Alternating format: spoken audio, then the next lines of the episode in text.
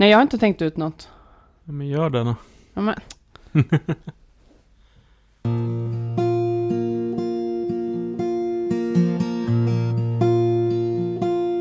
Välkommen in i mörkret Kom in, stick på och slå dig ner Det är inget farligt, bara mörker Alla hör men ingen ser Välkommen in i mörkret Kom in, stick på och slå dig ner Det är inget farligt, bara mörker alla hör men ingen ser.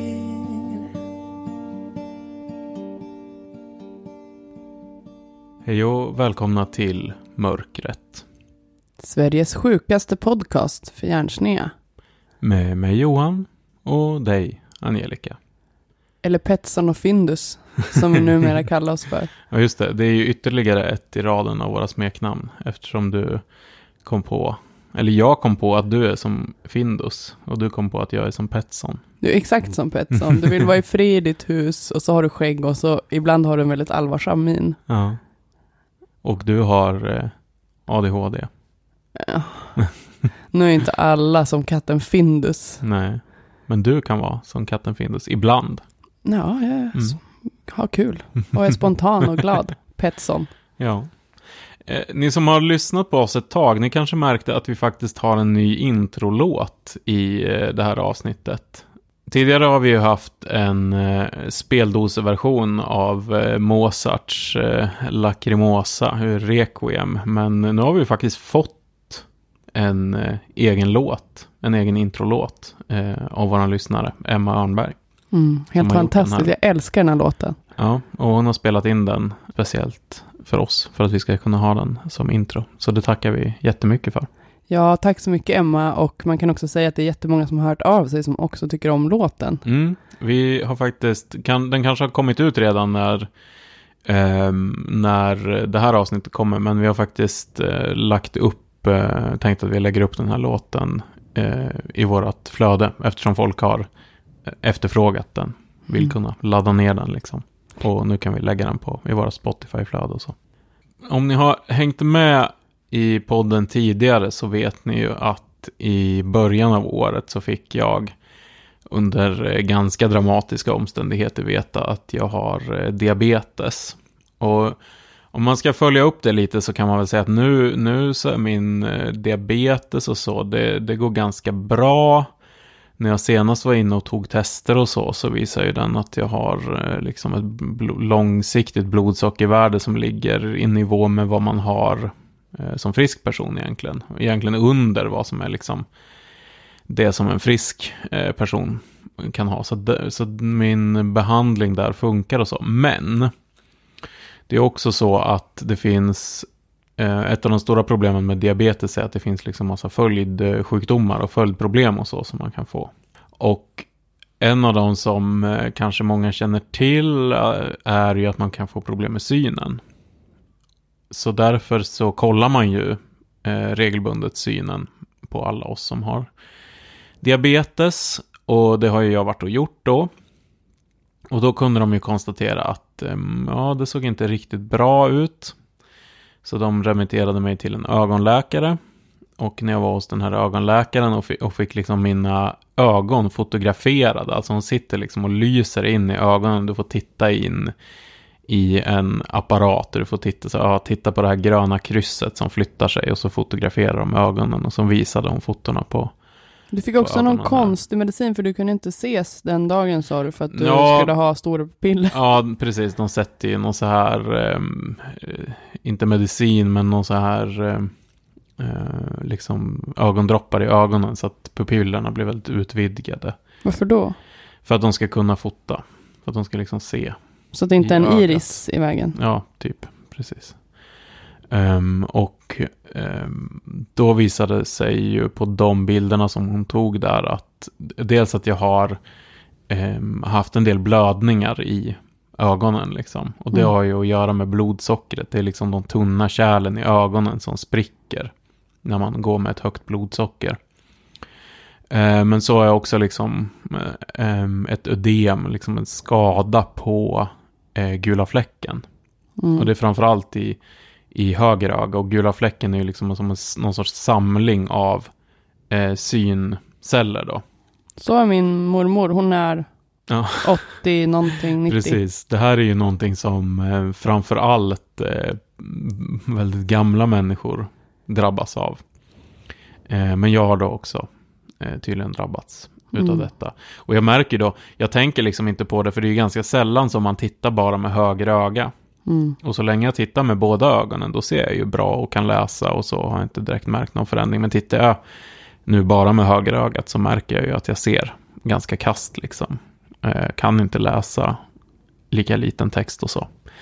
Eh, men grejen är då att, och nu sen eh, från den här ögonläkaren så blev jag remitterad till sjukhuset och nu har jag varit inne på sjukhuset och de har kollat mina ögon och återigen gett mig eh, sådana där ögondroppar och då hade jag glömt mina solglasögon den dagen också. Det var en av de här väldigt soliga, ljusa dagarna här i början utav juni.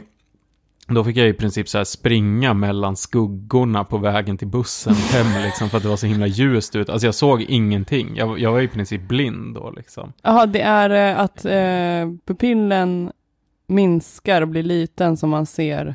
Pupillen blev väl jättestor. Eh, Jo, men om den är liten då, Mm. då tar den inte in lika mycket ja, ljus. Det är som en slutare i en ja, som kamera. en kamera. Mm. Är det Eh, därför allting ser så himla mörkt ut när man har tagit mycket käk ibland? Eh, när, man, när jag gjorde det. Ja. Får man liten pupill då? Då får man stor. Okej. Ja. Ja, då borde det ju saker se ljusare ut egentligen. Jaha, men det var Ja. sömnbristen säkert. Ja, säkert. Jag vet Då. inte. Skitsamma. Ja, fan vad jobbigt Johan. Ja. Vad, vad... Ja, och grejen är så här att eh, nu när jag senast var på sjukhuset så, så sa han som jag pratade med där då att ja, men det kan vara liksom vi, vi får kolla på vad vi ska göra åt det här. För att det kan vara allting från att man bestämmer sig för att inte göra någonting till att man ger laserbehandling, alltså typ man lasrar ögat sådär, till att man ger läkemedel. Och han sa inte det, men jag, eftersom jag är som jag är, så har jag läst på allting om det här. Du googlade alltså? Jag googlade. Och då är det ju så att de här läkemedlen, de ger man ju direkt i ögat. Alltså man sätter en spruta i ögat. Och det här är ju typ min, alltså en av mina största rädslor. Allting som är så här med liksom stick och grejer mot ögat, jag, det, jag fixar inte det alltså. Visst var det någonting att de eh, vinklar upp ögonlocken med hakar också? Ja, precis. Man får inte blunda så de sätter in någon sån hake Metallhakar i. i ögat så att det är öppet. Och sen ska de hålla på och tvätta. De håller på att typ rengöra och så i typ en halvtimme. För det måste ju vara helt kliniskt rent. För att när man I går... ögat? Ja. För när man då går in med den där nålen får det ju inte vara något, något skräp som följer med in liksom. För det är ju oerhört farligt att få en, en infektion inne i, i ögat. Och det här är ju för mig en jättejobbig tanke. Alltså den här, bara tanken att behöva ligga där på en sjukhusbrits och se. För det är det som är grejen, du kommer inte kunna blunda. Du kommer behöva se det här. Du kommer se nålen föras mot ditt öga. Och för mig är det som någon så här... Det är som det sa, du vet, någon sån där... äh, Ja, en så-film, Skräckfilm, ja. skräck, verkligen skräckfilm. Jag har jättesvårt för det här i, liksom, i skräckfilmer. Jag, jag kollar ju mycket på skräck och det är inte så jättemycket som jag har problem med. Men i så här, ja men Dario Argento och så, vissa som har gjort så filmer där det är så väldigt otäckt grafiskt våld mot folks ögon. Stickar och får nålar i ögonen och någon film som är så där, någon som liksom tittar in genom ett, eh, ska titta genom ett nyckelhål. Så bara skjuts det en nål in i ögat. Jag har så svårt att typ göra den grejen, så här, kolla genom ett nyckelhål eller så efter att ha sett det. Jag tycker det är så himla, himla läskigt. Frågan är om du skulle kunna hålla dig vaken. Du svimmar ju när det blir för mycket blod och så. Ja, Jag tror, är du säker på att du skulle kunna hålla dig vaken? Jag tänker, då Nej, jag vet kanske du inte. sover? ja eller att jag avsvimmar. skulle svimma. Ja, varför inte? Det, ja, det hade varit skönare på sätt och vis. Men grejen är att det jag också har läst och det som liksom ingen har sagt under den här processen, det är att de här läkemedlen som man ger, sprutar in i ögat då, de hjälper eh, två tredjedelar liksom av de som får den. En tredjedel 30 får. någonting Ja. procents chans risk att Ja. inte ens, att du Ja, gjorde det i onödan. ja, det verkar inte ge några negativa effekter direkt, men så här, det verkar liksom inte, det, det är en ganska stor risk att du får gå igenom den här. Och där måste du det är ju också bara så att det är inte så att de sprutar in där en gång, utan det är ju återkommande, Jaha. liksom med några månaders mellanrum och så, att de måste ge det här läkemedlet. Så att, Så det är egentligen bara så karaktärsstärkande precis, i du bästa kan fall. ge, I värsta fall. genomgå den här extremt jobbiga processen och sen bara, nej, det förbättrade inte din syn tydligen. Men grattis, du har varit med i en skräckfilm Ja, ja tre gånger. Ja, verkligen. Men hade inte du någon tes om att, eh, eller jag hade det om att den här läkaren bara var en förbipasserande? ja, du tyckte att han lät, lät oseriös. Bland annat för att det sista han frågade mig var så här, är det så där äckelvarmt ute fortfarande?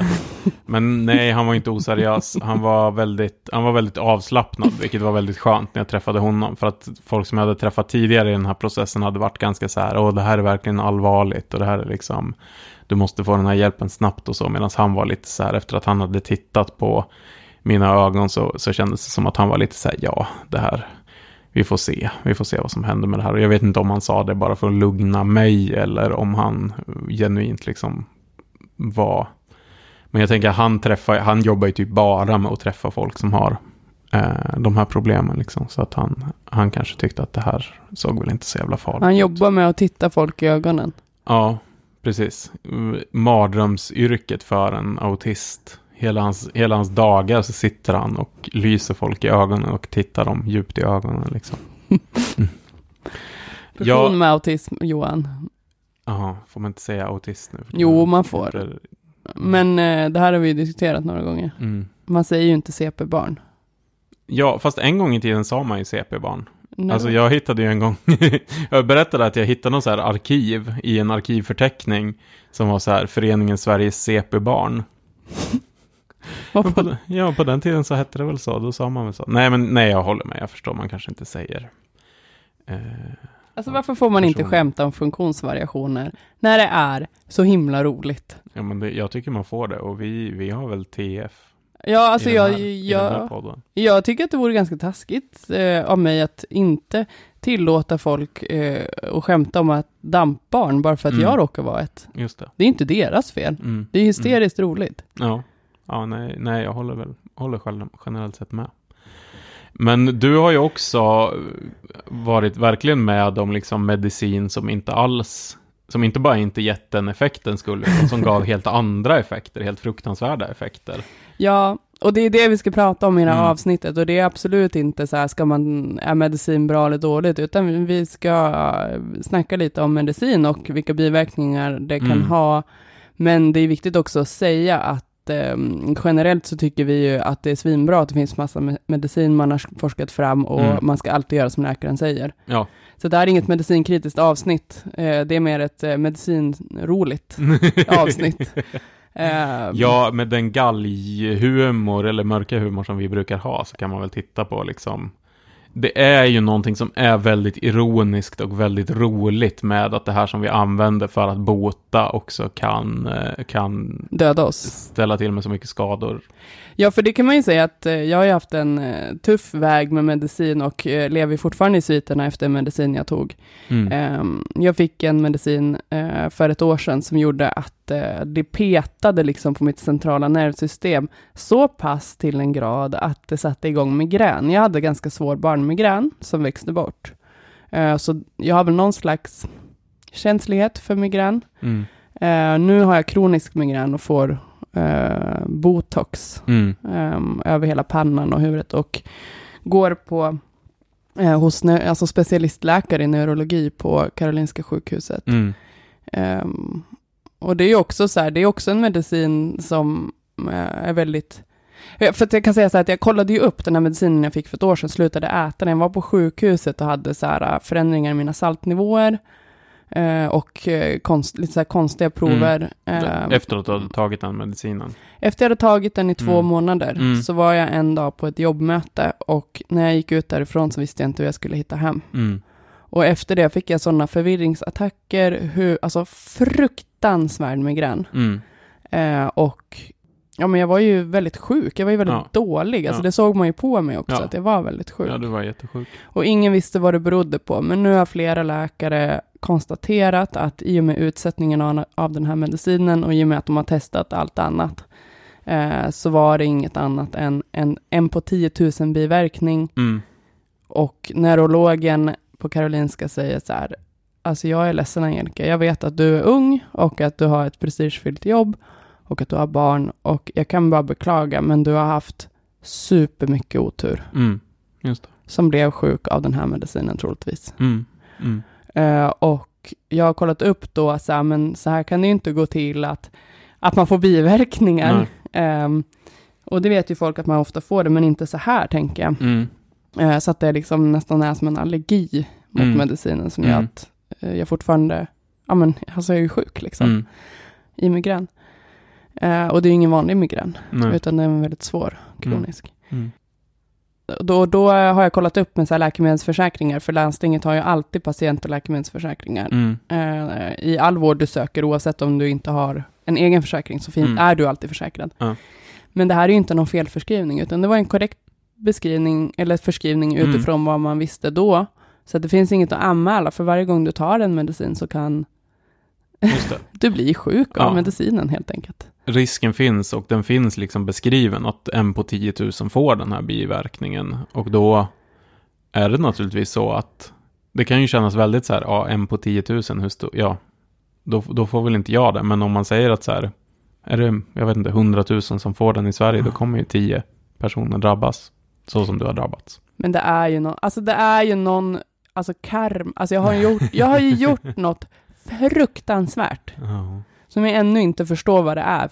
Jag har tappat en spegel, för jag, alltså, när vi träffades första gången Mm. Johan, då var ju jag alltså frisk, Ja. glad och ganska vital person som gillade att träna, röra Mm, på mig. Mm, Jag gillade att hålla deadlines och mådde Mm. bra.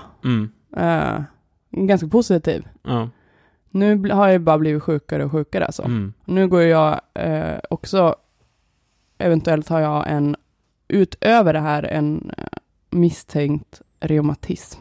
ja, Det återstår att se. Eh, men eh, jag har några inflammationer i händerna som är ganska svåra. mm, Så jag håller på att utreda vad det Mm. kan vara. just det. Men där finns ingen misstanke om att det är medicin orsakat. Nej, det är bara sånt som kan hända. Det är ju en Ja. vanlig sjukdom. Ja, Så tyvärr, och det var också de sa på vårdcentralen, du har nog haft otur. ja, ja det kan man ju säga. För, ja. Så att eh, ibland fyller man 80 när man är 30. Och det kan ju vara Ja, kämpigt att acceptera, men det vet ju du Ja, om. man kan få problem med gula fläcken och så. så. Och eh, reumatoid artrit. Ja. Ja. Eh, Men eh, det, det, det finns ju ganska mycket roliga biverkningar. ja. Eh, Jag äter ju ADHD-medicin, då är en av biverkningarna plötslig död, till exempel. Det kan förekomma, det är ingen som vet i vilken frekvens, men, Nej, men nej. eh, ibland, det kan förekomma. ibland dör man. Mm.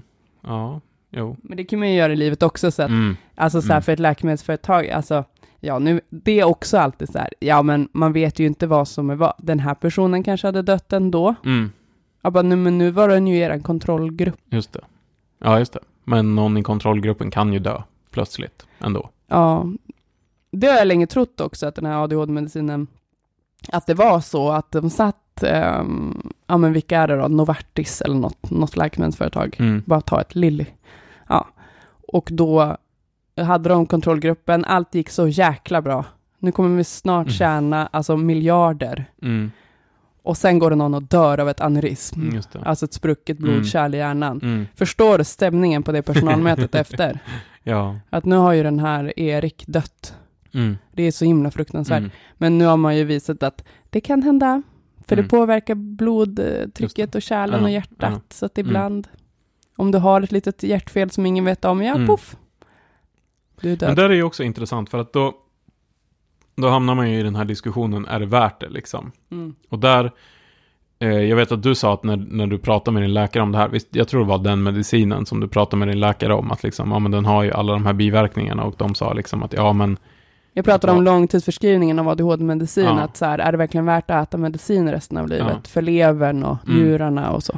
och de sa liksom att, ja men är det värt att ha de kortisolnivåerna och så liksom i kroppen som, som man skulle ha som icke-medicinerad liksom. De nivåerna av stresshormon. Ja, det blir liksom, ja, Ja, det för- sliter ju också på kroppen så att säga. Och där är det ju väldigt svårt att säga så här, Mm. veta, eh, är det värt eller inte? Mm. För individen liksom. Sen kan man säkert på en gruppnivå säga att så här, jo men det är mycket bättre att medicinera än inte liksom. Mm.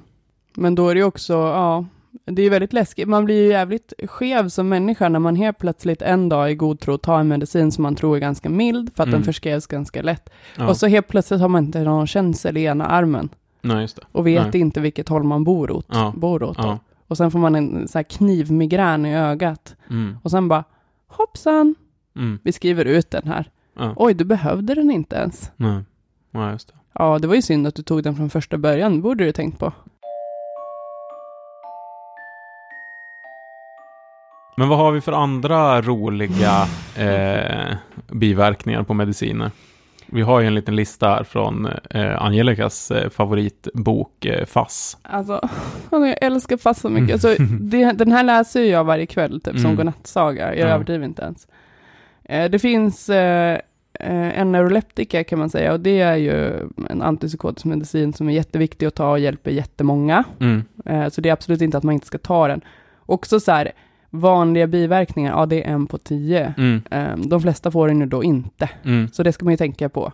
Det är också roligt med neuroleptika som är den eh, alltså an, första antipsykotiska medicin som man använder alltså vid svåra psykoser och, Mm. och eh, nu, nu för tiden förskrivs de ganska enkelt också till de Mm. som har svårt att sova. Det känner jag mig lite tveksam till. Mm. Eh, till unga tjejer och sådär. Och det är ju de här, om man tänker gamla tidens psykmediciner, det är liksom en uppdatering av Mm. dem, men Mm. fortfarande påverkar så pass mycket att en vanlig biverkning är diabetes. Det säger ju någonting om Ja. man gör med Ja, hormonerna i kroppen. Så det är ju liksom gift, men ibland nödvändigt. just det. Jag, jag tänkte just på det med, med, det med neuro, neuroleptika och så. Jag vet, jag lyssnar på eh, Kalle Linds podcast eh, Snedtänkt. Jag tror det var hans 200 program och sånt. Och då snackade han med sin mamma och de pratade om för deras familj har liksom en, en historia som går tillbaks till hans morfar och så, av att jobba inom eh, psykvården. Liksom institutionsvården av psykiskt sjuka i Skåne. Mentalsjukhusen. Mentalsjukhusen, olika vårdboenden av olika slag och så. Och hon pratade ju där om när neuroleptikan, alltså den här antipsykotiska medicineringen kom. Jag tror den började användas 1955 eller något sånt. Och det var ju revolutionerande för de patienterna som fick det alltså. För det var ju patienter som kanske hade varit liksom på, på institution eh, hela sitt liv, långa liv och varit liksom helt eh, psykotiska, våldsamma, eh, våldsamma mot sig själva. Eh, många hade väl legat liksom bältade väldigt länge. Det måste ju liksom- vara där man pratar, alltså madrasserade rum, lobotomi. Lobotomi var ju också, och man kallade ju de här när de kom för eh, kemisk lobotomi alltså. Mm. De hade ju väldigt stora biverkningar alltså. Man hade ju så, det, en biverkning var ju att man blev typ allergisk mot solljus. Man fick så missfärgningar på huden och eh, kunde få, få typ andra besvär och så av att vara i solljus.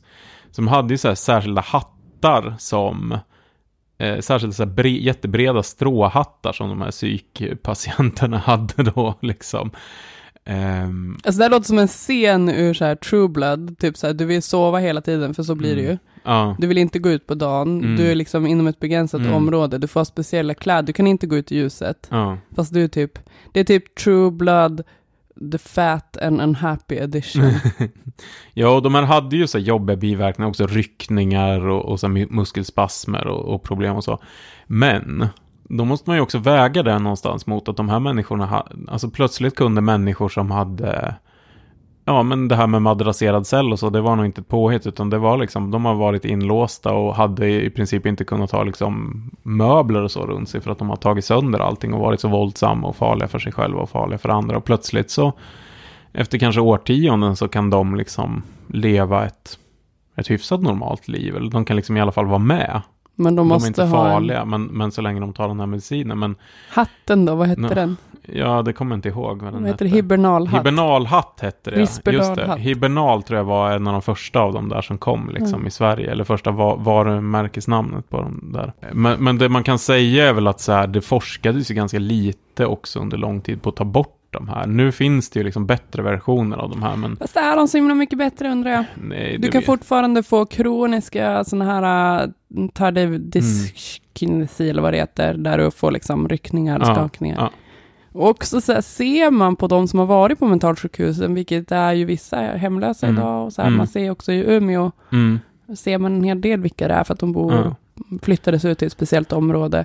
Alltså, man ser ju att de av medicinerna är väldigt skadade. mm, Alltså, mm. när du har tagit sådana stora starka. doser, ne- Ja, och många fick ju väldigt mycket. För att de skulle vara lugna liksom. Ja. För att det var eh, svårt att hantera dem annars. Men ja, jag tycker att ett stort problem är att man kanske inte har forskat så mycket på att ta bort de här biverkningarna och så. Just för att det är en grupp, en patientgrupp som är så himla svag. Mm. Men samtidigt så tror jag att man också måste kunna se den här andra sidan av att ja, fast för många av de här var nog det här en, liksom en frälsning när det kom på 50-talet. Mm. Det, det innebar nog en möjlighet att leva ett, ett liksom något sånär fungerande liv. När man tidigare hade varit liksom fullkomligt psykotisk. Ja. Liksom inne i någon sorts psykostillstånd. Eh, Och vem som kom på de här och antidepressiva också utöver det här, det kan vi gå in på sen. Men nu ska Mm. vi prata om att man kan få onormalt mycket saliv i munnen. eh, det här är också en Mm. fråga, fast det är väldigt roligt Mm. eh, om man eh, går in i det. Mm. Minskad avföringsfrekvens är ganska vanligt, Mm. men också svårighet vid avföring. Svårighet rent avföring. generellt. Okej. Du har svårt Ja. vid avföringen. Ja, Ja, okej. skakningar och eh, vridande rörelser och rastlöshet i benen och sådär. Mm. Eh, men du får ju också muskelsjukdom. Det är ganska eh, intressant att du kan få det. Det är ofta vissa som är kunniga inom det här säger att ibland får man välja mellan Parkinson eller eh, bipolär sjukdom. Ja. alltså mm. manier och depression. För att, Mm. med, hur blir det? Medicinerna vid Parkinson, Då vill du ha mer dopamin. ja då vill du ha mer dopamin Ja. för att du har en defekt i det. Mm. Och då, eh, om du får mer dopamin, då kan du bli psykotisk och Mhm. manisk. Mm. För det är det som styr. Ja. Okej, så man vill ta vid, vid, ehm, Här sänker du eller förändrar dopamin. vid borderline eller, eller Bipolär. Så, så, bipolär så vill du ta dopaminsänkande liksom, eller hämmande. Då får du. Parkinson. ja, Ehm, man kan Mm. också få hicka. Det, du får välja skakigt i kroppen eller humöret helt enkelt. Eh, ja, och har du båda får du bara acceptera en skakig berg och dalbana, så är det Ja. bara. Mm. Vadå, ögongloberna är i ett fixerat läge? Plötslig oförklarlig död. Det, det händer ju att folk också dör lite grann sådär. Ja. Ehm, men sen så var det de här extremt roliga. Eh, inkontinens var det inte. Inte ihållande eller smärtsam erektion. Ja, här. Oförmåga att motstå impulsen, driften eller begäret att utföra en handling som kan vara skadlig för andra, vilket kan inkludera en stark impuls att spela överdrivet mycket, trots allvarliga konsekvenser, eller för en själv då, en, eller familj. man Okej, kan också- extremt noggrant beskriven Exakt. biverkning. Ja. Eh, spelproblem kan du Mm. få av den här medicinen. Hur, alltså sjukt är inte det?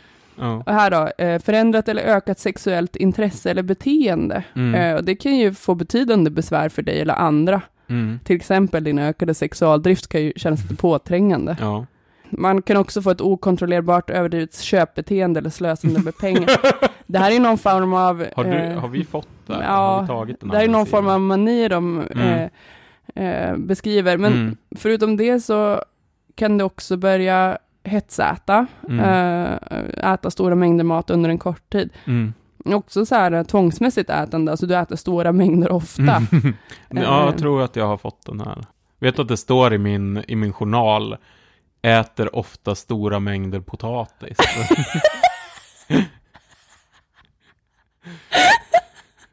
det står att jag är trygg och välinformerad och äter stora mängder potatis. Om du någonsin blir singel så måste det här vara på din Tinder. Ja, just det. Uh, just det, för du vill inte släppa ditt potatisintag. Nej, Ni har haft en diskussion om det. Ja, jag har sagt att jag kan äta lite mindre potatis. Jag fick ju vara hos en dietist, det här får man som nydebuterad diabetiker, som visade mig så här en in, in, inplastad bild av en tallrik. Och så olika inplastade så här potatisar, pasta, så här, "Åh, hur mycket skulle du ta av det här? Och du bara, hit med mer potatis! Ja, men ja, vi lägger på lite mer potatis här. Hon bara, är du jag. säker? Är du riktigt Ja. säker? Nu, vi tar, ja, jag kan klippa ut några egna potatisar här och lägga på. Du började ta hennes pennor Ja, på vi säger, skrivbordet. ja, vi säger det här är en pasta och det här är också pasta. Det här, Ja, men det är ju så, kolhydrater är ju det bästa vi har och så är det så farligt när man har eh, det. Eller det är inte så farligt, det är sån bullshit. Men man, man kan gärna äta lite mindre av det. Vad sa hon så? Ja, jo. Hon, hon sa också så här, man, man kan ta lite mer fett. Ja. Det var det jag lyssnade på mest när hon sa. ja, det är därför du säger nu, det spelar ingen roll hur mycket kolhydrater Mm. man äter så länge man har fett på det. Ja, ja, precis. Då går det inte ut lika snabbt i blodet liksom. Uh. Det, här stärk, det här stärker min tes om att om man tar LCHF-recept, Mm. alltså kolhydratlåga, Mm. mål mycket fett och Mm. lägger till kolhydrater så är det den bästa maten man det. kan få. Ja, ja. Nej, jag tror också på det. Det är inte helt fel att jag, använder sådana kokböcker och lägger Nej. till kolhydrater. Det är den godaste maten. Alltså, starkt Och- tips. Lagom kolhydrater, high fat. Det, ja, Det är det en bästa. Bra, det är en bra idé, tycker jag. Du, i det här att man kan få olika impulser som är så Mm. svåra att eh, stoppa, så det är konstigt, för den andra kan man ju känna igen sig i, Mm. eh, att eh, ja, men man kanske vill hetsäta och så här. Mm. Men i det så finns en tendens att vandra iväg. Av medicinen. Okej, så du tar det här pillret och sen bara vandrar du iväg? ja, Varför? ja.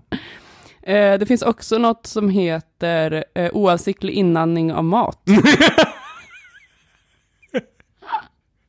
Bara inhalerar en varmkorv typ. ja, jag ska inte säga att det inte har hänt. Det kan ske, Lo, eh, eh, Johan, inte Loa, Mm. det är mitt barn. Eh, det kan ske eh, i samband med talförändringar och att ögongloberna är fixerade i ett läge. Just. Att du inhalerar mat. För det står här i samma lista. Ögongloberna är fixerade på den där korven. Bara inhalerar man den.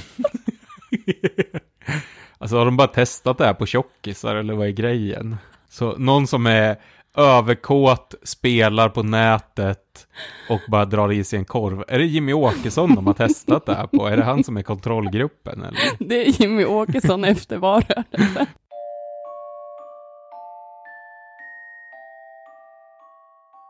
Jag blev ju så glad i, FASS att jag startade ett eh, Twitterkonto som heter FASStext.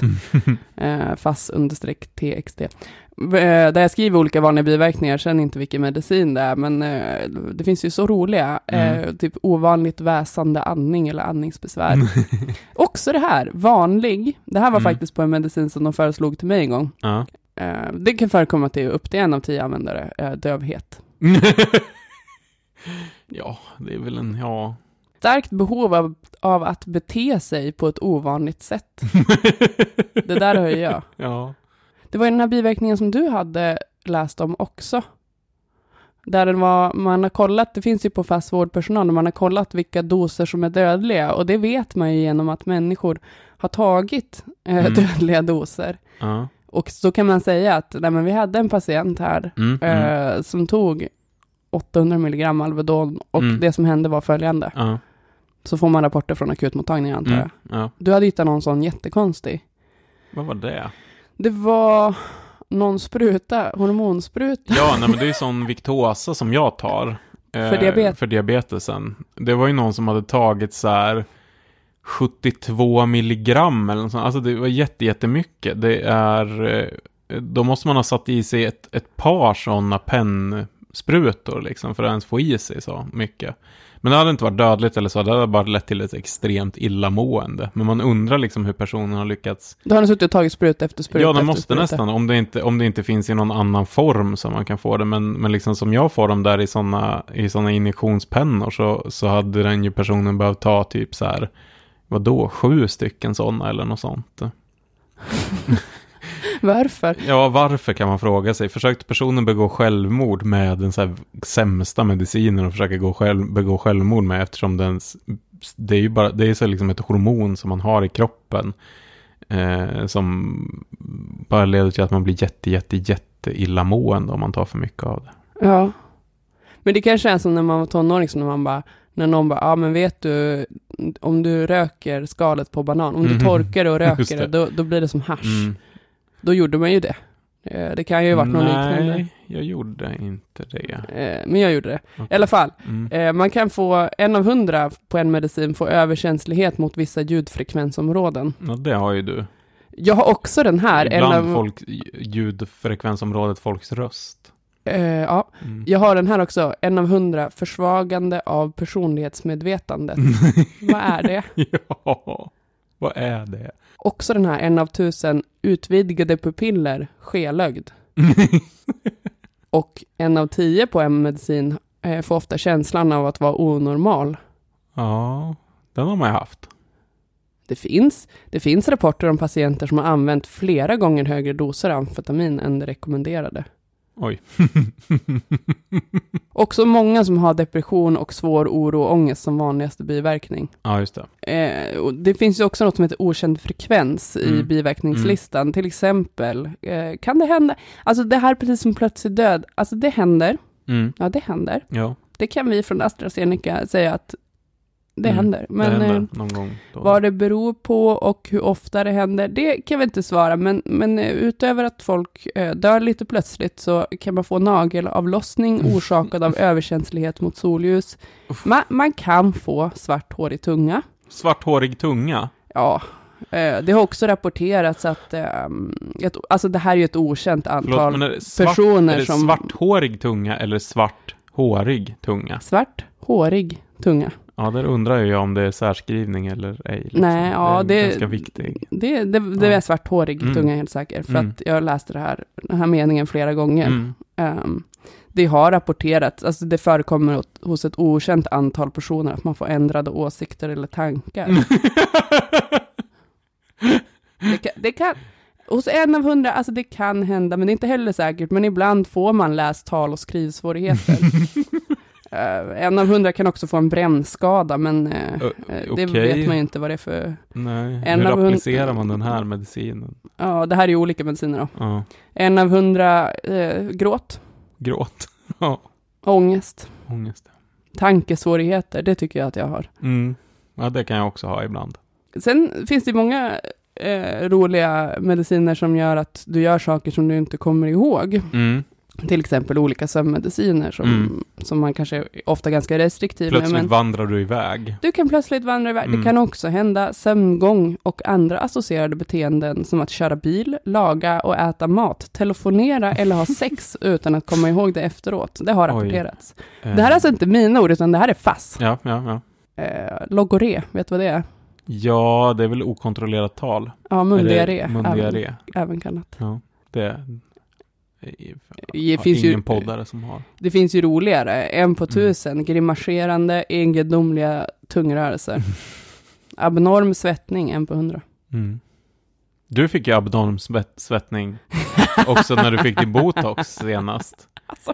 Alltså det måste ju varit att de typ träffade i någon nerv eller något sånt. Jag vet inte hur det där funkar med liksom svettkörtlarna, men du började ju svettas ymnigt och intensivt, fast bara från liksom en viss fläck under vänstra armhåla. eller Det var högra hö- högra- högra armhåla. Armhålan där.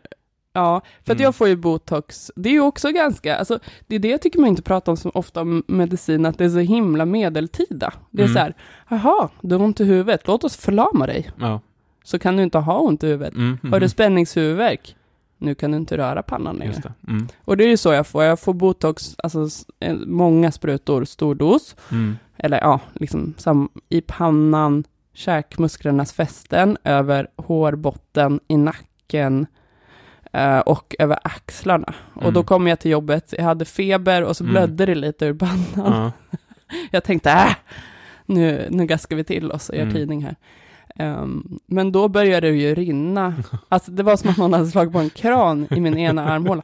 Och man kan ju få, det, det kan hända, det är inte ovanligt, Mm. att ena ögonlocket hänger ner. Nej. För att de, botoxen rinner innanför huden så Mm, att ena ögonlockets muskel istället förlamas. Mm. Eh, och då kan du alltså inte öppna ögat på 12 veckor. Men så kan man bara svettas och få feber och så. Mm, mm. Ja, det var ju väldigt märkligt. Du såg ju på min tröja. Ja, du svettades liksom bara från en punkt, men där svettades du extremt mycket. Från ena armhålan, så det var Mm. som en pöl på ena Mm. sidan tröjan. och det, det är tacksamt att du bara skrattar sådana Ja, gånger. men du vet att vi har den, Ja, men den det är relationen jätteskönt. där vi kan skratta åt, åt eh, kroppens roligheter som den hittar på. Ja, för alla andra är så här, men stackars, du måste ju vara utmattad. Mm. Och du bara, nej, du hittar Mm. ju inte hem för du är helt skev och felmedicinerad. Ja, Det är jätteskönt, mm. för det är ju så. ja. ja, man måste ju kunna skratta åt eländet. Du hånar ju mig för det här med att jag ska få sprutor i ögonen och så. Jag tycker att det är väldigt eh, skönt Mm. att kunna prata om det på det sättet. Utan att du är typ, du spär ju inte på min oro eller så. Nej, jag tror att det kommer gå bra. Bara du tar de medicinerna som de föreslår så kan du ha lite kul istället. Just det, ja. Men det här råder ju delade meningar om.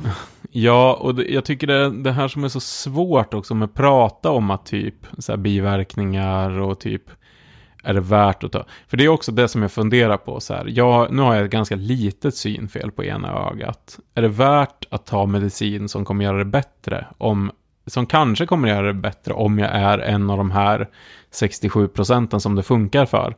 Om jag tycker det är så pass jobbigt. Mm. Men det blir också så himla svårt tycker jag att prata och vara liksom så här kritisk mot medicin och så för att vilka är det idag som liksom är något så tongivande och drivande i att vara så här kritiska mot typ medicin och mot läkemedelsindustrin och så. Det är så här anti-vaxxers som är liksom va- vaccinmotståndare med, på bara, med liksom bara rena lögner och det är så här folk som tycker att man ska röka hasch istället för att ta eh, all medicin för att det är en växt som växer i marken istället för någon kemikalie som ett läkemedelsbolag blandar till. Mikrodosera den här svampen Ja. så ska du se att du blir lite gladare. Precis, det här som växt i skogen som du inte har någon jävla aning om vad det är i och i vilka proportioner och så som inte har genomgått något test. Det är säkert bättre för det är i alla fall inte ett multinationellt företag som har gjort det liksom.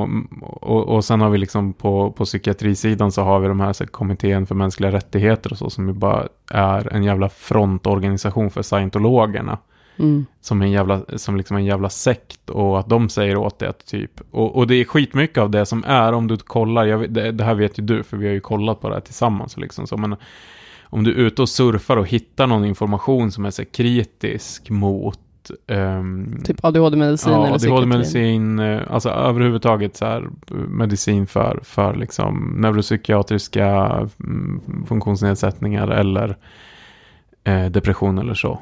Och du hittade någon blogg och vad är källan och så börjar man klicka tillbaka till källan och till slut hamnar du liksom hos eh, scientologerna. Och vilka är de? Men det är ju den här sekten som skapades av ehm, science fiction-författaren L. Ron Hubbard.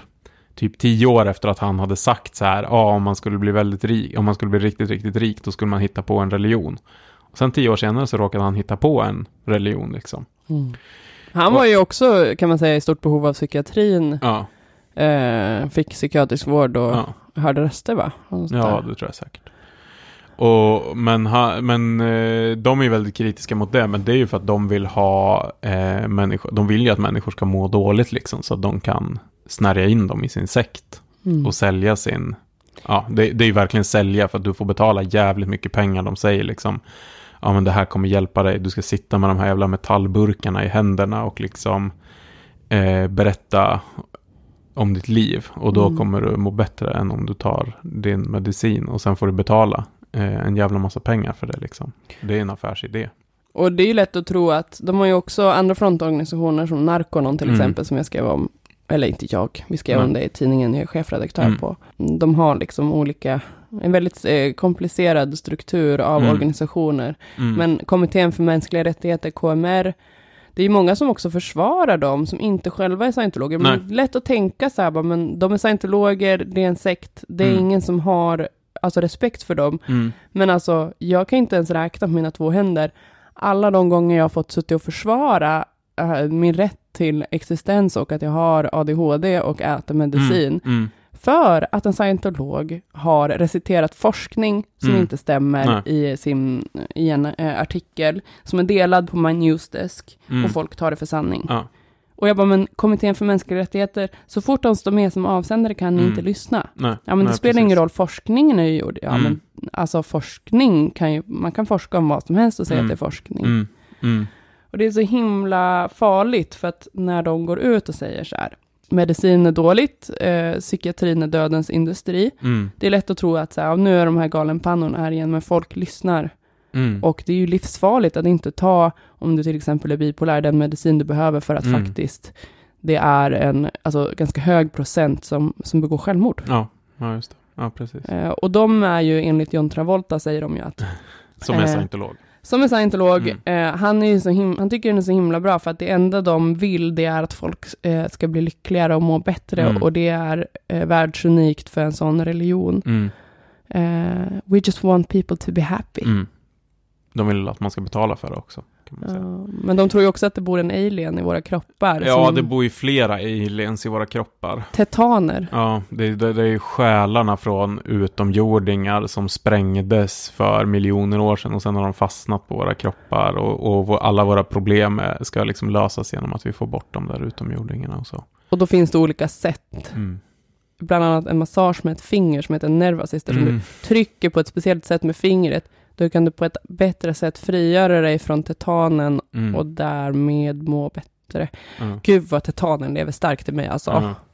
Men alltså de har ju så här, visste du att de, ibland. de har ju en så här typ, en så här, en av deras frontorganisationer är ju någon sorts biståndsorganisation som åker till ställen där det har varit så här naturkatastrofer och så.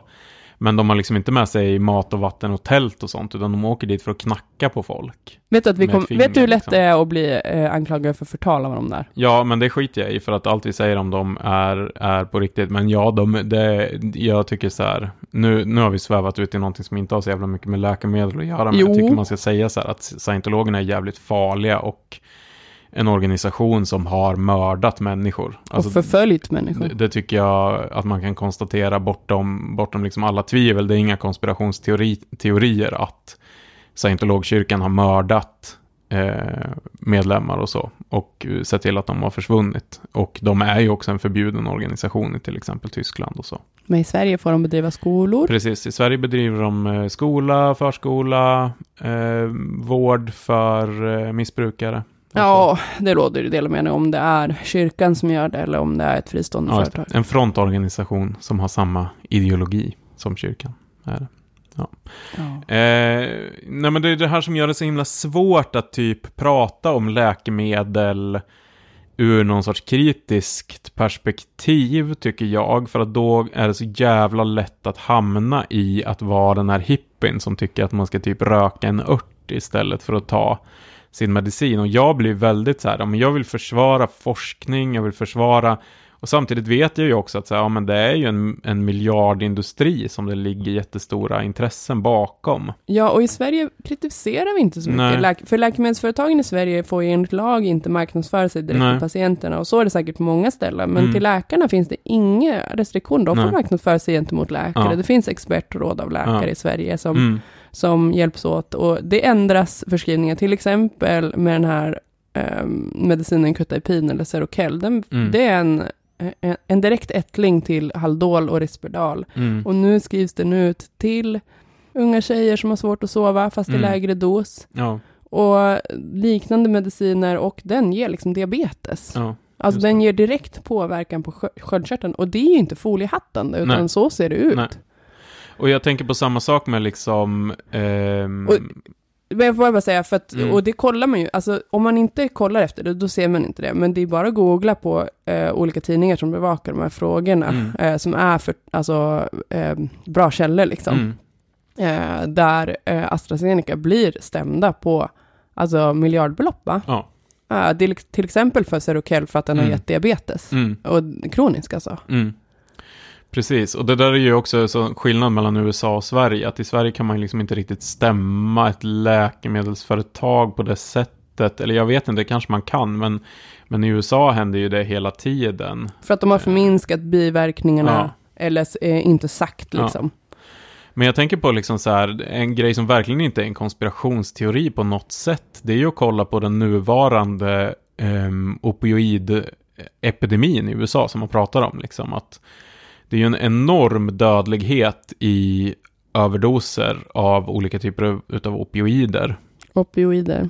Det är alltså ja, eh, derivat från opium eh, eller, eller syntetiska. Så att Fentanyl, fentanyl, eh, Oxycontin carfentanil ehm, och heroin.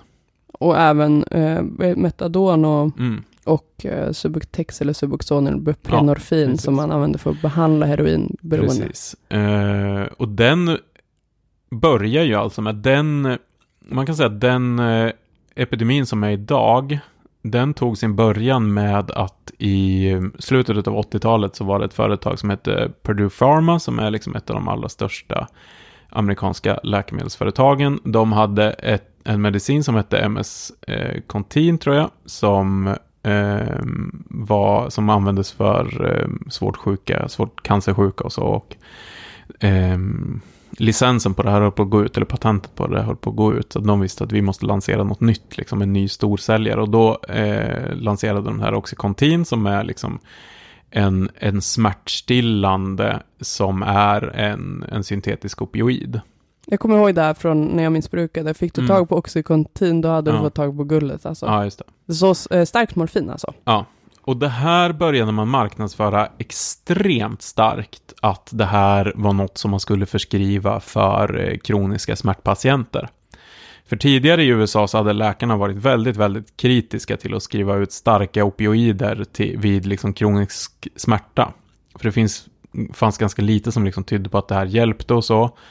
Utan man gav det här framförallt, ja men just då till, det, alltså antingen direkt efter operationer liksom, när du behövde väldigt, väldigt starka smärtstillande och så fasade man ut eller så gav man det väldigt, väldigt svårt cancersjuka och så. Mm. Men också under, för så är man ju i Sverige nu. Om jag, får jag Mm. bara säga, om jag oper, jag opererade Mm. knät för att då fick jag Oxynorm Ja, i två veckor på ett strikt Mm. schema och sen Ja. inget mer. ja, Därför att man precis, vet att det är så himla farligt. Precis. Men grejen är, att har du kronisk smärta, Mm. till exempel för att du har slitit ut en rygg, eller någon annan led eller något sånt, då ska du ta det här hela tiden i princip. Ja, och då har det tveksam långtidseffekt. Eh, precis. Och, men det var, man gjorde då, det var ju att lobba extremt intensivt. Inte bara Purdue Pharma, utan även andra läkemedelsföretag som också eh, lanserade sådana här läkemedel var ju väldigt involverade i det här och man lobbade för att det här var inget farligt. Det publicerades en artikel i en så här, liksom välrenommerad läkartidning där en läkare skrev att okej, men jag har testat det här, eh, opioider som behandling vid kronisk smärta och det hade, var- medförde inga problem och det var bra för patienterna. Den här läkaren var ju avlönad Mm. av de här företagen. Mm. Man skapade också massor med olika grupper som hette typ så här American Pain Society, Pain Foundation. Alla de här skapades av liksom läkemedelsföretagen, eh, finansierades av läkemedelsföretagen. Det här är inte så här mm, någon socialistisk konspirationsteori, utan det här går, går att liksom Mm. läsa om i, i Ja, otaliga dokumentärer, Ja. dokumentärer på Netflix, allting. Och de lobbade starkt för att okej, men vi måste få in det här. Och då under 90-talet så får vi alltså en enorm förskrivning i USA av starka smärtstillande till kroniska patienter. Det här sammanfaller ju också med att liksom 70-talet, slutet av 70-talet, typ fackför, det liksom var fackföreningsrörelsen, arbetarskydd och så som har funnits i USA har, typ krossats under Reagan och så. Du får ett mycket hårdare arbetsliv, du får väldigt, väldigt stigande arbetsskador. Många Folk som liksom, blir utförsäkrade antar jag då? Eller Ja. har de försäkring? Ja, i, i princip inte, men liksom Alltså du blir fattig och sjuk. Du, du inte... blir fattig och sjuk. Du har också ett, en, eh, de medicinska eh, försäkringsbolagen, försäkringsbolagen i USA. De vill ju, de tycker att det här är skitbra, för det kostar inte så himla mycket. Tidigare, om du har haft kronisk smärta eller så, vad har du fått då? Sjukgymnastik, Som eh, man får i Sverige. terapi, alltså där Mm. du så här, ja men acceptans, eh, hjälp att acceptera den här smärtan och så. Mm. Det är långvarig behandling och ganska kostsamt. Mm. De här medicinerna, det är billigt. Ehm, försäkringsbolagen säger det här är skitbra, det här ska vi satsa på, det här är liksom det här som ni ska skriva ut eh, Mm. till de som är försäkrade hos oss. Eh, så vi får en jättestor förskrivning av de här eh, medlen. Och vi får i princip en generation i USA där väldigt, väldigt, väldigt, väldigt många får ett opioidberoende som grundläggs i att du får ett läkemedel av din läkare. Mm. För läkarna hade ju också, alltså du kan gå in på nätet och, och surfa på det, kolla på all merch som Purdue Pharma gjorde för Oxycontin, liksom så här kepsar och pennor och roliga grejer, alltså det var liksom, de var verkligen på läkarna och så här, betalade läkare, kom till den här härliga semesterorten i Florida, här kommer det vara något symposium där vi ska berätta hur bra den här medicinen är och så liksom. Så de, alltså, jag tror de typ sexdubblade sin säljavdelning eller något sånt när de lanserade den här medicinen. Och det kan vi ju, som liksom från ett svenskt perspektiv så känns det ju helt sjukt att en, att typ ett läkemedelsföretag ska ha en jättestor säljavdelning. Nu ska jag berätta någonting för dig hon heter Ingrid Karlberg, en författare som vann, om jag inte minns fel, um, uh, Guldspaden. Hon är journalist uh, för sin bok Pillret. Och då pratar de om det här från svensk perspektiv, men också globalt. Att uh, det här med att läkare blir bjudna på konferenser och att man får liksom reklam för olika läkemedel till sig. Alltså det förekommer ju såklart i Sverige också. Ja, och hon pratar Ja. om SSRI och eh, hur man kan påverka läkare eh, och så här, vilken verkan har det. Och det är ingen fråga om saken att det funkar, men Mm. kanske ibland så när man ger det som första medicin på primärvården, alltså i vårdcentralen efter 20 minuter, då kanske man är lite slapp i förskrivningen. Eh, å andra sidan räddar det liv, eh, Ja, antidepressiva. ja. Men alltså, nu, när jag eh, fick min ADHD-diagnos, när jag var hos en privatläkare, eh, fick jag den. Eh, han satt ju med i ett expertråd för Stratera, som är en ADHD-medicin som inte är centralstimulerande eller narkotikaklassad. Mm. Och han ville ju väldigt gärna skriva ut Stratera till mig Just som det. första medicin. Ja. Och han hade också på sitt kontor eh, sådana pennor Mm. som det stod konsertar, Ritalin, Ja. Eh, och även en tavla eh, på en tjej, jag tror att han hade, den var från AstraZeneca. För det, fin- de har ju merch. Mm. Det här är ju Mm. ett av mina specialintressen, jag vill ju Mm. gärna ha den här merchen. Just det. Ehm, det var en, det kan man ju prata om att han hade det här på sitt kontor och man såg det som patient, men Mm. det var en tjej som i en solnedgång tror jag, på en backe hoppade i en sluttning Mm. med ett stort piller ovanför huvudet. Eh, och var glad över det här pillret då. Eh, och han tyckte att jag skulle prova den här. Stratera, som inte är en ADHD-medicin från början, som många mediciner är, utan en antidepressiv som inte hade någon effekt. Och då har man ju tagit fram det här läkemedlet, då Mm. måste man ju prova det på andra ställen. Ja, just det. Eh, och då finns det ju ett expertråd och då vill man ju gärna att många patienter ska prova den. Mm. Påverkar AstraZenecas PR-avdelning dig? Alltså, Ingrid Karlberg hade också en, en teori om att i Sverige behöver man inte göra så mycket jobb från läkemedelsföretagens sida för att det finns så mycket intresseorganisationer som Mm. utan att nämna medicinerna gör jobbet åt den. Okej. Mm. I och med att de skapar stora patientgrupper där man pratar Mm. om det självmant. Ja, Ehm, jätteintressant. Det är det som gör det så himla svårt uppdraget att föreläsa om till exempel ADHD. För att vare sig man vill eller inte så går man läkemedelsföretagets intressen. Ja, just det. Just det. Eh, vilket är jäkligt obehagligt. Mm. Det är Men- skitintressant och det, jag kanske har varit liksom naiv i min inställning till Sverige och tänkt att liksom USA är, är helvetet i jorden i det, i det här och i, liksom i Sverige har vi det här välfungerande systemet. där Och så vi har extremt liksom, ogranskade. Bara så extremt Ja, ogranskade. vi har det här, vad heter det, Tandvårds och läkemedelsförmånsverket som typ bestämmer vad som ska ingå i högkostnadsskyddet och därmed blir det en sorts inköpsmonopol och därmed så finns det inte det här behovet av kanske reklam och så, men uppenbarligen så är det ju så att man kan typ ja, men det var ju därför henne, hos, ja. hos läkare. Och det var ju därför hennes jobb var så viktigt kan jag tycka, Mm. för att det är extremt svårt som journalist att komma in där, för att det är ju företag som de omfattas ju inte av offentlighetsprincipen Nej, nej. som eh, myndigheter på ett Mm. annat sätt gör, så att vill AstraZeneca inte dela med sig, då behöver de inte göra det. Mm.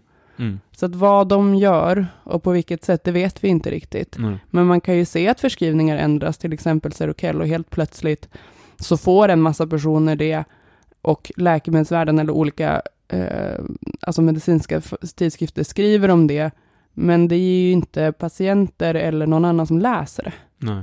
Nej, Och då stannar ju infot där till Mm. yrkesgruppen. Mm. Och så kommer det slapp eh, kritik från en scientolog om att Ja. ADHD-medicin, det är ju från dödens industripsykiatrin. Ja. Och så är det inget mer än så. Nej, just det. Nej. Eh, och det är Och- folks liv det handlar om. Ja. Ja, nu det- låter jag som en foliett. Det går inte att prata om det här Nej. utan att vara en foliett. Nej, Läs som boken Pillret. Det är det som är problemet, Eh, att- ja. Det är så svårt att bedriva den här kritiken för att man hamnar på samma sida som de här jävla idioterna. De har Liksom. förstört allt. Och man vill vara på den sidan som liksom har vetenskapen och har liksom, ehm, eh, vad ska jag säga, ehm, vill typ hjälpa folk och så. Men man måste ju också inse att ja, det finns massa människor, det finns, alltså de, jag tror de som forskar på det här, de, alltså det finns så himla många som drivs av verkligen en stark, stark vilja att hjälpa människor. Mm. Eh, Så enormt stark vilja. Jag tänker på, nu när jag själv har drabbats av diabetes och så, så har jag läst ganska mycket om diabetesens historia och eh, läste också om, alltså det var inte förrän på 1920-talet som man upptäckte insulinet Mm. och visste vilken roll det hade. Och det var ju ett forskarlag i Toronto, eh, Banting, Best och Collip, som upptäckte det och liksom fick fram en fungerande medicin och så. Och det hade ju varit så innan dem så hade ju en typ 1-diagnos, alltså diabetes typ 1, hade ju varit en dödsdom. Mm. Ofta dog patienterna några veckor innan, efter att de hade fått diagnos. Liksom. Men du kunde leva kanske något år eller så, förutsatt att du svalt. Mm. Att du åt så otroligt lite. Liksom. Och de, det är ju alltså, alltså jag tycker nästan, jag blir så himla rörd när jag tänker på det. För det är ju 100 000, 100 miljoner idag i världen som är beroende av insulinet för att överleva. Mm. Som alltså direkt kan, kan tacka den här gruppen läkare och biokemister eh, på 1920-talet. Men grejen är att vi- visst, de fick ju massa erkännande. De fick Nobels, eh, Nobelpriset i medicin och så. Men de sålde ju sitt patent på insulinet till eh, University of Toronto. Och eh, Banting, Dr. Banting sa att insulinet tillhör inte mig. Insulinet tillhör världen liksom. Mm. Så det finns ju verkligen, alltså verkligen de här som, som drivs av, eh, som jag tror egentligen alla forskare, alla nördar och så drivs ju av in, nyfikenhet och intresse och vilja veta saker, men också den här jätte, jättestarka viljan att faktiskt hjälpa en massa människor. Men sen finns det de här jävla giriga storföretagen, de här privata storföretagen, monopolen. För idag är det ju så att idag tillhör inte insulinet världen. Idag är det tre stycken stora företag som Så kontrollerar pass. 90% av världens, världsmarknaden för insulin. Liksom. Får alla insulin idag? Nej, nej. Nej, eh, ungefär hälften av dem i världen som behöver insulin får, eh, får eh, mindre insulin än vad de skulle behöva. Och många dör ju fortfarande, särskilt i tredje världen. Men även nu för tiden i USA. Det är Alltså. fruktansvärt. Det, det är helt fruktansvärt. Det är så dyrt i USA så att många, även folk som har liksom så ganska comfy medelklassjobb, om de inte har en sjukförsäkring som betalar för det här så är det, äh, äh, det är alltså folk som dör i USA just nu. Vad hände när insulinet kom? Du berättade någonting om barn. Ja, som låg i Det finns ju sådana där berättelser från att, alltså, som jag sa, så i, en typ 1-diabetes var ju i princip en dödsdom. Och du hamnar i insulinkoma, eller äh, inte insulin, du hamnar i diabeteskoma, eller du hamnar liksom i, i en koma, din hjärna får inte nog med energi. Och det finns ju berättat om liksom sådana här sjukhussalar där det låg rad på rad på rad med liksom eh, svårt sjuka barn som låg i koma. Och deras läkare och, och, och föräldrar som i princip liksom satt och vakade och väntade på att de skulle gå bort. Och så kommer då eh, insulinet, första dosen. Och man går runt och ger en spruta till, till var och ett av de här barnen. Och inom några timmar så börjar de vakna upp i koman liksom. Mm. Ehm, Och idag är det koma igen. ja, idag... Trots eh, att medicinen finns. Idag finns medicinen, men den kontrolleras. Och det här är också, insulin är billigt att tillverka. Mm. En årsdos insulin kostar 133 dollar. Det är inte mycket pengar. Nej. Men då finns det de här giriga jävla storföretagen. Och vilka är det som äger dem? Vilka som ligger bakom dem? Bank of America, olika hedgefonder, olika riskkapitalister liksom. Det är de här eh, jävlarna som tjänar pengar på att människor inte har råd med den medicin som de behöver. Och det har de här jävlarna, alltså familjen som äger Purdue Pharma, som skapade eh, Oxycontin, är idag eh, en av USAs absolut rikaste familjer. Och de har ju blivit stämda och dömda och fått betala böter för att de har gjort det här och för att de har Mm. ljugit om effekter och så. Men de böterna är ju liksom, Det har de råd med. det har de råd med. Det är ingenting för dem, för de har tjänat miljarder på de här. Och de har tjänat miljarder på att det pågår en opioidepidemi. Där människor dör varje dag i överdoser. Och det är liksom så här, ja. Den kritiken måste ju också gå att formulera utan att bli någon jävla scientolog. Ja, och det- som är svårt också med den kritiken, tycker jag, med medicin, alltså utifrån perspektivet att jag, att jag har ätit ADHD-medicin i många år och verkligen behövt det, och det var rev- revolutionerande för mig att funka som vuxen människa. Mm. Det som kritiken mot medicinen ofta slutar med är ju kritik mot diagnosen och kritik Mm. mot en grupp som faktiskt behöver den. Ja, Och det är ja. slapphänt kritik alltså. Mm. Och det jag skulle önska var att kritiken riktades mer mot, på det sätt som du beskriver Mm. det, mot läkemedelsföretagen. Mm. Och jag Nej. förstår inte liksom hur man kan, ofta när man kollar på eh, vem det är, det kan man ju också säga att eh, det här borde vi uppmärksammat i podden. Eh, Arvid Karlsson. Mm, just det. Eh, vad man än googlar om dopamin, serotonin, SSRI-preparat, alltså antidepressiva. Mm. Per Arvid Emil Karlsson, född 25 januari 1923 i Uppsala. Han dog Mm. 2018. Mm. Han var en svensk farmakolog och professor vid Göteborgs, univers Göteborgs universitet och nobelpristagare i fysiologi och medicin. Han kom alltså på dopaminets eh, verkan och effekter, vilket har gjort att man har en Parkinson-medicin Mm. idag som funkar bäst. Mm. Det har gjort att man förstår Parkinson på ett annat sätt, eftersom det är Mm. kopplat till rörelsesystemet. Mm. Han och hans forskarteam eh, har också eh, gjort upptäckterna bakom neuroleptika, som vi pratade om, antipsykotiska medicinerna, som också har revolutionerat psykiatrin. Mm. Han har också upptäckt dopamin och serotonin, hur det funkar i våra hjärnor, och därmed skapades första gången, och det är en svensk uppfinning, det första antidepressiva läkemedlet, Mm. som sedan eh, Zoloft och Prozac och alla som har kommit sen är grundade på. Ja. Eh, det är ju vilken livs... Eh, ja, verkligen. alltså det är ju helt sjukt. Att vad man än googlar. Mm. Det här är en svensk upptäckt med Arvid Karlsson i spetsen. Ja. Eh, ja, men jag tänker han är ju en sån verklig hjälte. ja. Hur många liv han har påverkat liksom. Jag, undrar vad, bättre. jag undrar vad han tycker. Ja. Eh, om att man nu hittar fler ekonomiska incitament att till exempel eh, de här antipsykotiska medicinerna som mm, för 40 år sedan revolutionerade psykiatrin nu Mm. skrivs ut till eh, 18-åriga tjejer eh, med sömnproblem. Mm. Ja. Med, med stark eh, tveksamhet tror jag han skulle. Ja, det är svårt att säga. Svårt att säga, jag kan inte Ja. fråga han. Nej, men Ah. eh, nej, han är väl, eh, han borde utses till alla psykons skyddshelgon. Det är också att han är svensk. Ja, ja, precis. Vi borde vara lite stolta. Vet du vad jag önskar. Johan? Mm. Att mentalsjukhusen hade funnits kvar. Ja, vi har ju pratat om det här. ehm, Och det fanns ju mycket problem med de stora institutionerna. Och Men så, det fanns sån eh, ambition. Ja, Som inte var mediciner. nej. Nej, det är ju uppenbarligen så att det är många som eh, eh, inte har mått så bra av den eh, reform som genomfördes. Eller i alla fall hur den genomfördes. Ja, för det finns ju inga vårdplatser idag, men Nej. vårdbehovet måste ju vara större i och med Ja. att vi är fler. Ja. Ja, nej, man har ju ganska mycket. Det är ju liksom den här um, anti-auktoritära, anti-institutionskritiken som jag tänker växte någonstans från 68, 1968 och från 68-rörelsen och så. Ehm, Det här är ännu en irriterande grupp, Johan. Vet du vad? Där Mm. finns en till problemgrupp. Det finns scientologer, mm, det finns andra foliehattar, Mm, eh, antivaxxers, mm, eh, det finns de som också bara är totalt eh, tror på allt de Ja. läser. Sen finns det de här jävla socionomerna och socialpedagogerna ja, som tror att exakta, och de här finns på BUP, de finns Mm. inom psykiatrin, mm, Nej, men de totalt ignorerar eh, att vi är liksom ett bio- biologiskt system. Ja, Alltså, ja. vi är liksom en klump med vatten och signalsubstanser och det har inte de förstått. nej, Så allting är miljömässigt betingat.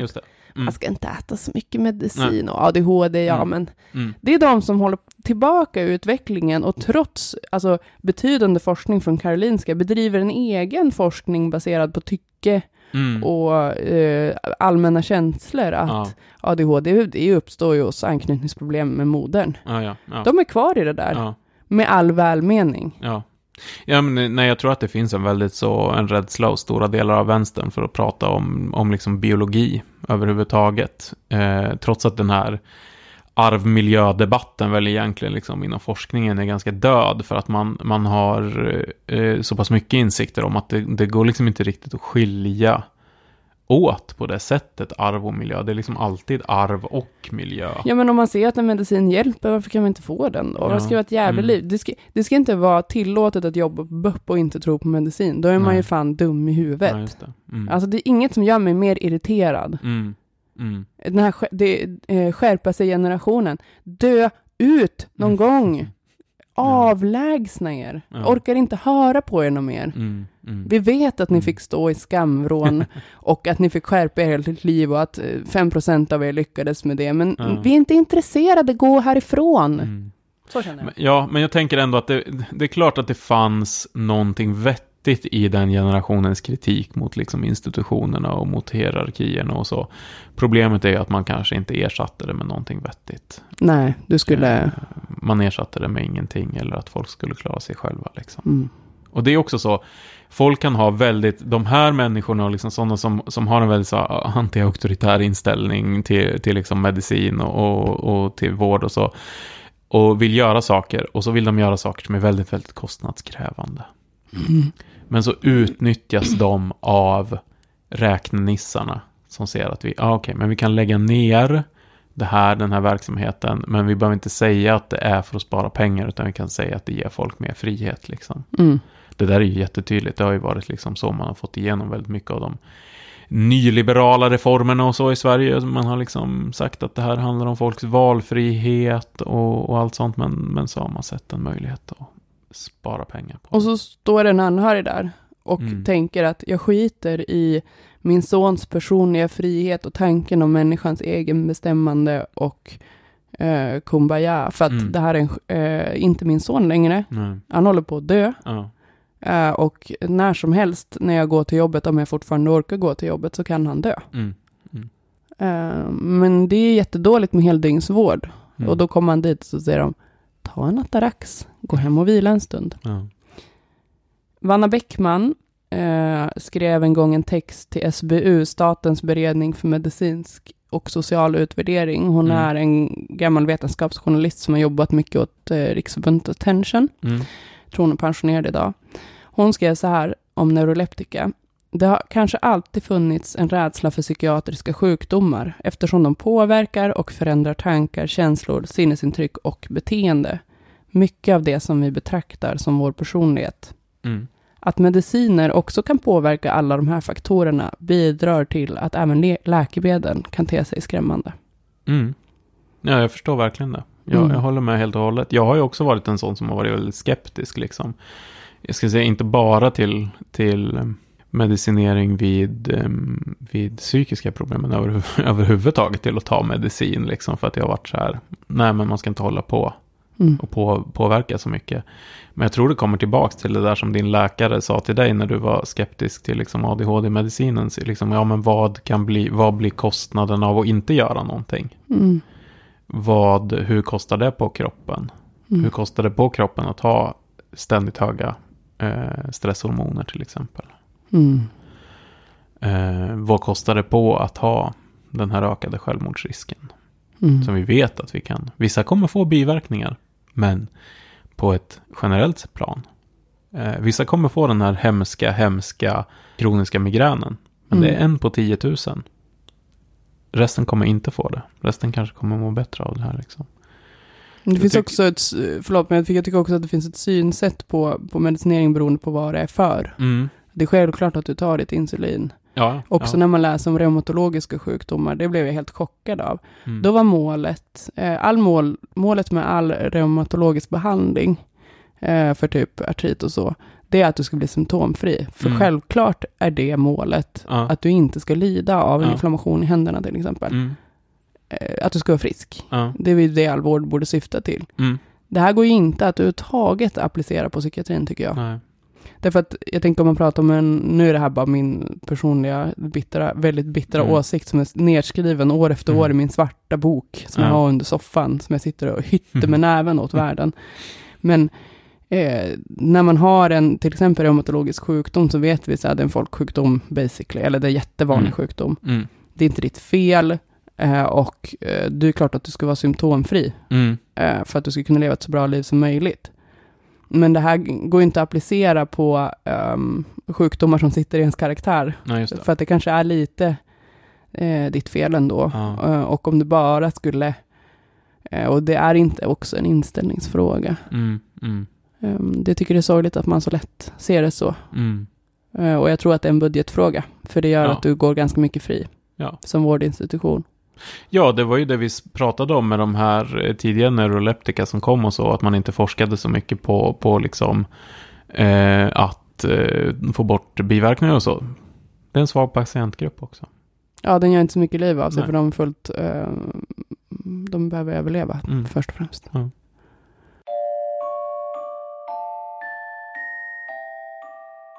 Kan vi inte avsluta med att eh, läsa lite grann ur FASS? Eh, du har några favoritmediciner, men jag vet att eh, malariamedicin är en, En stark etta. en stark etta där. Så kan, inte du, kan vi inte få höra vad som är eh, möjliga biverkningar av malariamedicin? Du vill ju inte träffa på den här myggan eh, och få malaria. Eh, Det är ju ganska många som dör av det va? Mm, ja, nej. Det är ett Precis. visst svinn på malaria i världen. Eh, Ja, eh, förutom att, det är må- många mediciner som har ehm, eh, den här, eh, det, för, det är ovanligt men det förekommer det här hudavlossningssjukdomen som är eh, en ehm, allvarlig men eh, ovanlig sjukdom som heter Steven Johnson syndrom och det Mm. betyder att eh, det börjar med lite blåsor, eh, fjällande hud, särskilt runt mun, näsa, ögon och könsorgan. Eh, Jag åt en sån medicin som hade den som biverkan. Mm. Eh, Frågade min läkare, eh, vad är det som händer egentligen? Ja, han eh, skruvade lite på sig. Jag bara, vad är det, det här med huden? Mm. Ja, Man kan säga att ehm, det yttersta hudlagret eh, lossnar. Det yttersta Ew. hudlagret eh, ja, lossnar Oh. från underhuden eh, lite. Och sen får, dör du, Mm. eventuellt. Okej. Det är inte så hög överlevnad på den. Nej. Så att, får du ett litet utslag så sluta med medicinen, ring Mhm. akuten. Ja, eh, den här, just den här malariamedicinen eh, ger, alltså, ja, du får ju huvudvärk, illamående, kräkningar, magsmärta, diarré. Mm. Men sen utöver det, vanliga biverkningar, eh, du, får, alltså, du kan få lite insomningssvårigheter, konstiga drömmar, depression, aptitlöshet, feber, hudutslag, eventuellt att det kliar då, hosta. Tar man eh, blodprov, vilket man kanske inte gör, men då är det ju väldigt vanligt då att man ser att, att man har fått en anemi av det här. Ehm, och det får man ju ont i huvudet och blir trött av och blir andfådd av. Eh, man ser också att det är väldigt vanligt att de vita blodkropparna minskar. Eh, då är det ju väldigt lätt att få en infektion. Eh, du får lågt, eh, låga halter av salt. Ja, och levern visar ju då förhöjda enzymer. Men sen, det här är inte jättevanligt, alltså upp till en av hundra, men får ju ångest, eh, hjärtklappning, att, att du blir liksom, eh, får rodnader i munhålan eh, tillsammans med svullnader. Eh, och det är ju inte så kul, men då kan du ju också tänka på att det är lika vanligt att håret faller av. Eh, och att du får en nässelfeber som kan vara ganska eh, obehaglig. Mm. Eh, sen händer det ju eh, för ännu färre individer, men det förekommer att ehm, ja, man kan se och höra saker som inte finns, så kallade hallucinationer. Mm. Och sen, ehm, alltså det här är ju ett fåtal individer, skriver FASS. Vi vet inte hur många, men det förekommer ju inflammation i levern, tilltäppning av gallvägarna, ökad hjärtfrekvens, inflammation i blodkärlen. Detta kan synas som röda eller mörkvioletta upphöjda fläckar på huden, men det kan också påverka andra delar av kroppen. Det är vanligt att du får eh, den, eller oh, man vet inte hur många som får det, men eh, tillsammans med svåra psykiska problem där personen förlorar kontakten med verkligheten och är oförmögen att tänka och handla klart, Mm. så får du också panikattacker, gråt, mardrömmar och kramper. Och det kan ju vara så att du får det här på grund av de andra biverkningarna som jag kommer läsa upp nu, som också är okänt förekommande. För vem börjar inte gråta av att man får matsvältningssvårigheter, sår i munhålan, blåsor, fjällande hud och ökad solkänslighet hos huden? Ja. Du kan också få ett minskat antal av samtliga blodkroppar, inte bara de vita. Känns ju lättare att bara inte få malaria. Det känns ju lätt- lättare att bara vara hemma, Ja, eh, om du bor i Sverige till exempel. precis. Det här var mörkret som eh, mitt i den svenska sommaren säger stanna hemma. Vi finns eh, på Instagram. Eh, jag finns där i alla fall, Angelica Ogland, och även podden eh, som heter Mörkret Podcast. Eh, tipsar också återigen om att lyssna på Emma Arnbergs fantastiska låt Mörkret på Spotify. Den kommer ligga på vår kanal. Johan finns också främst på Twitter som ordförande Johan. Och vi har också en eh, Facebook-sida som heter Mörkret Podcast. Där ni gärna får gå in och prata med oss.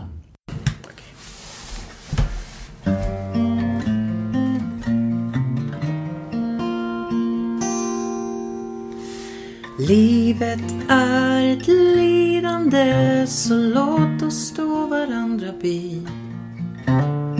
Lyckan den är patologisk, den som deppar slår sig fri.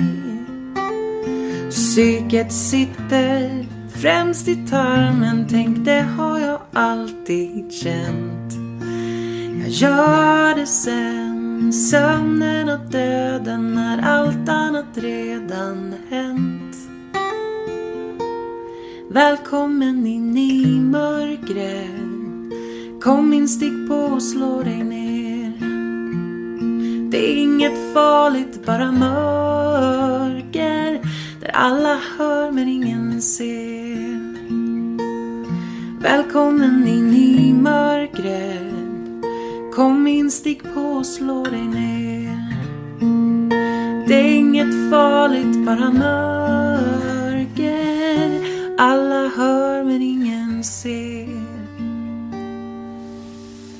Vem är den vuxne i rummet?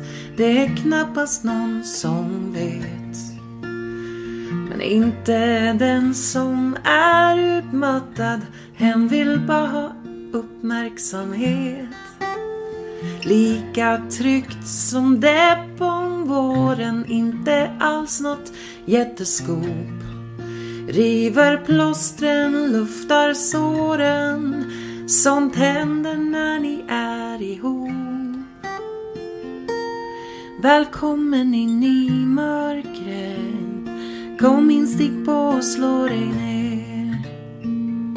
Det är inget farligt, bara mörker. Alla hör men ingen ser. Välkommen in i mörkret. Kom in, stick på och slå dig ner. Det är inget farligt, bara mörker. Alla hör men ingen ser.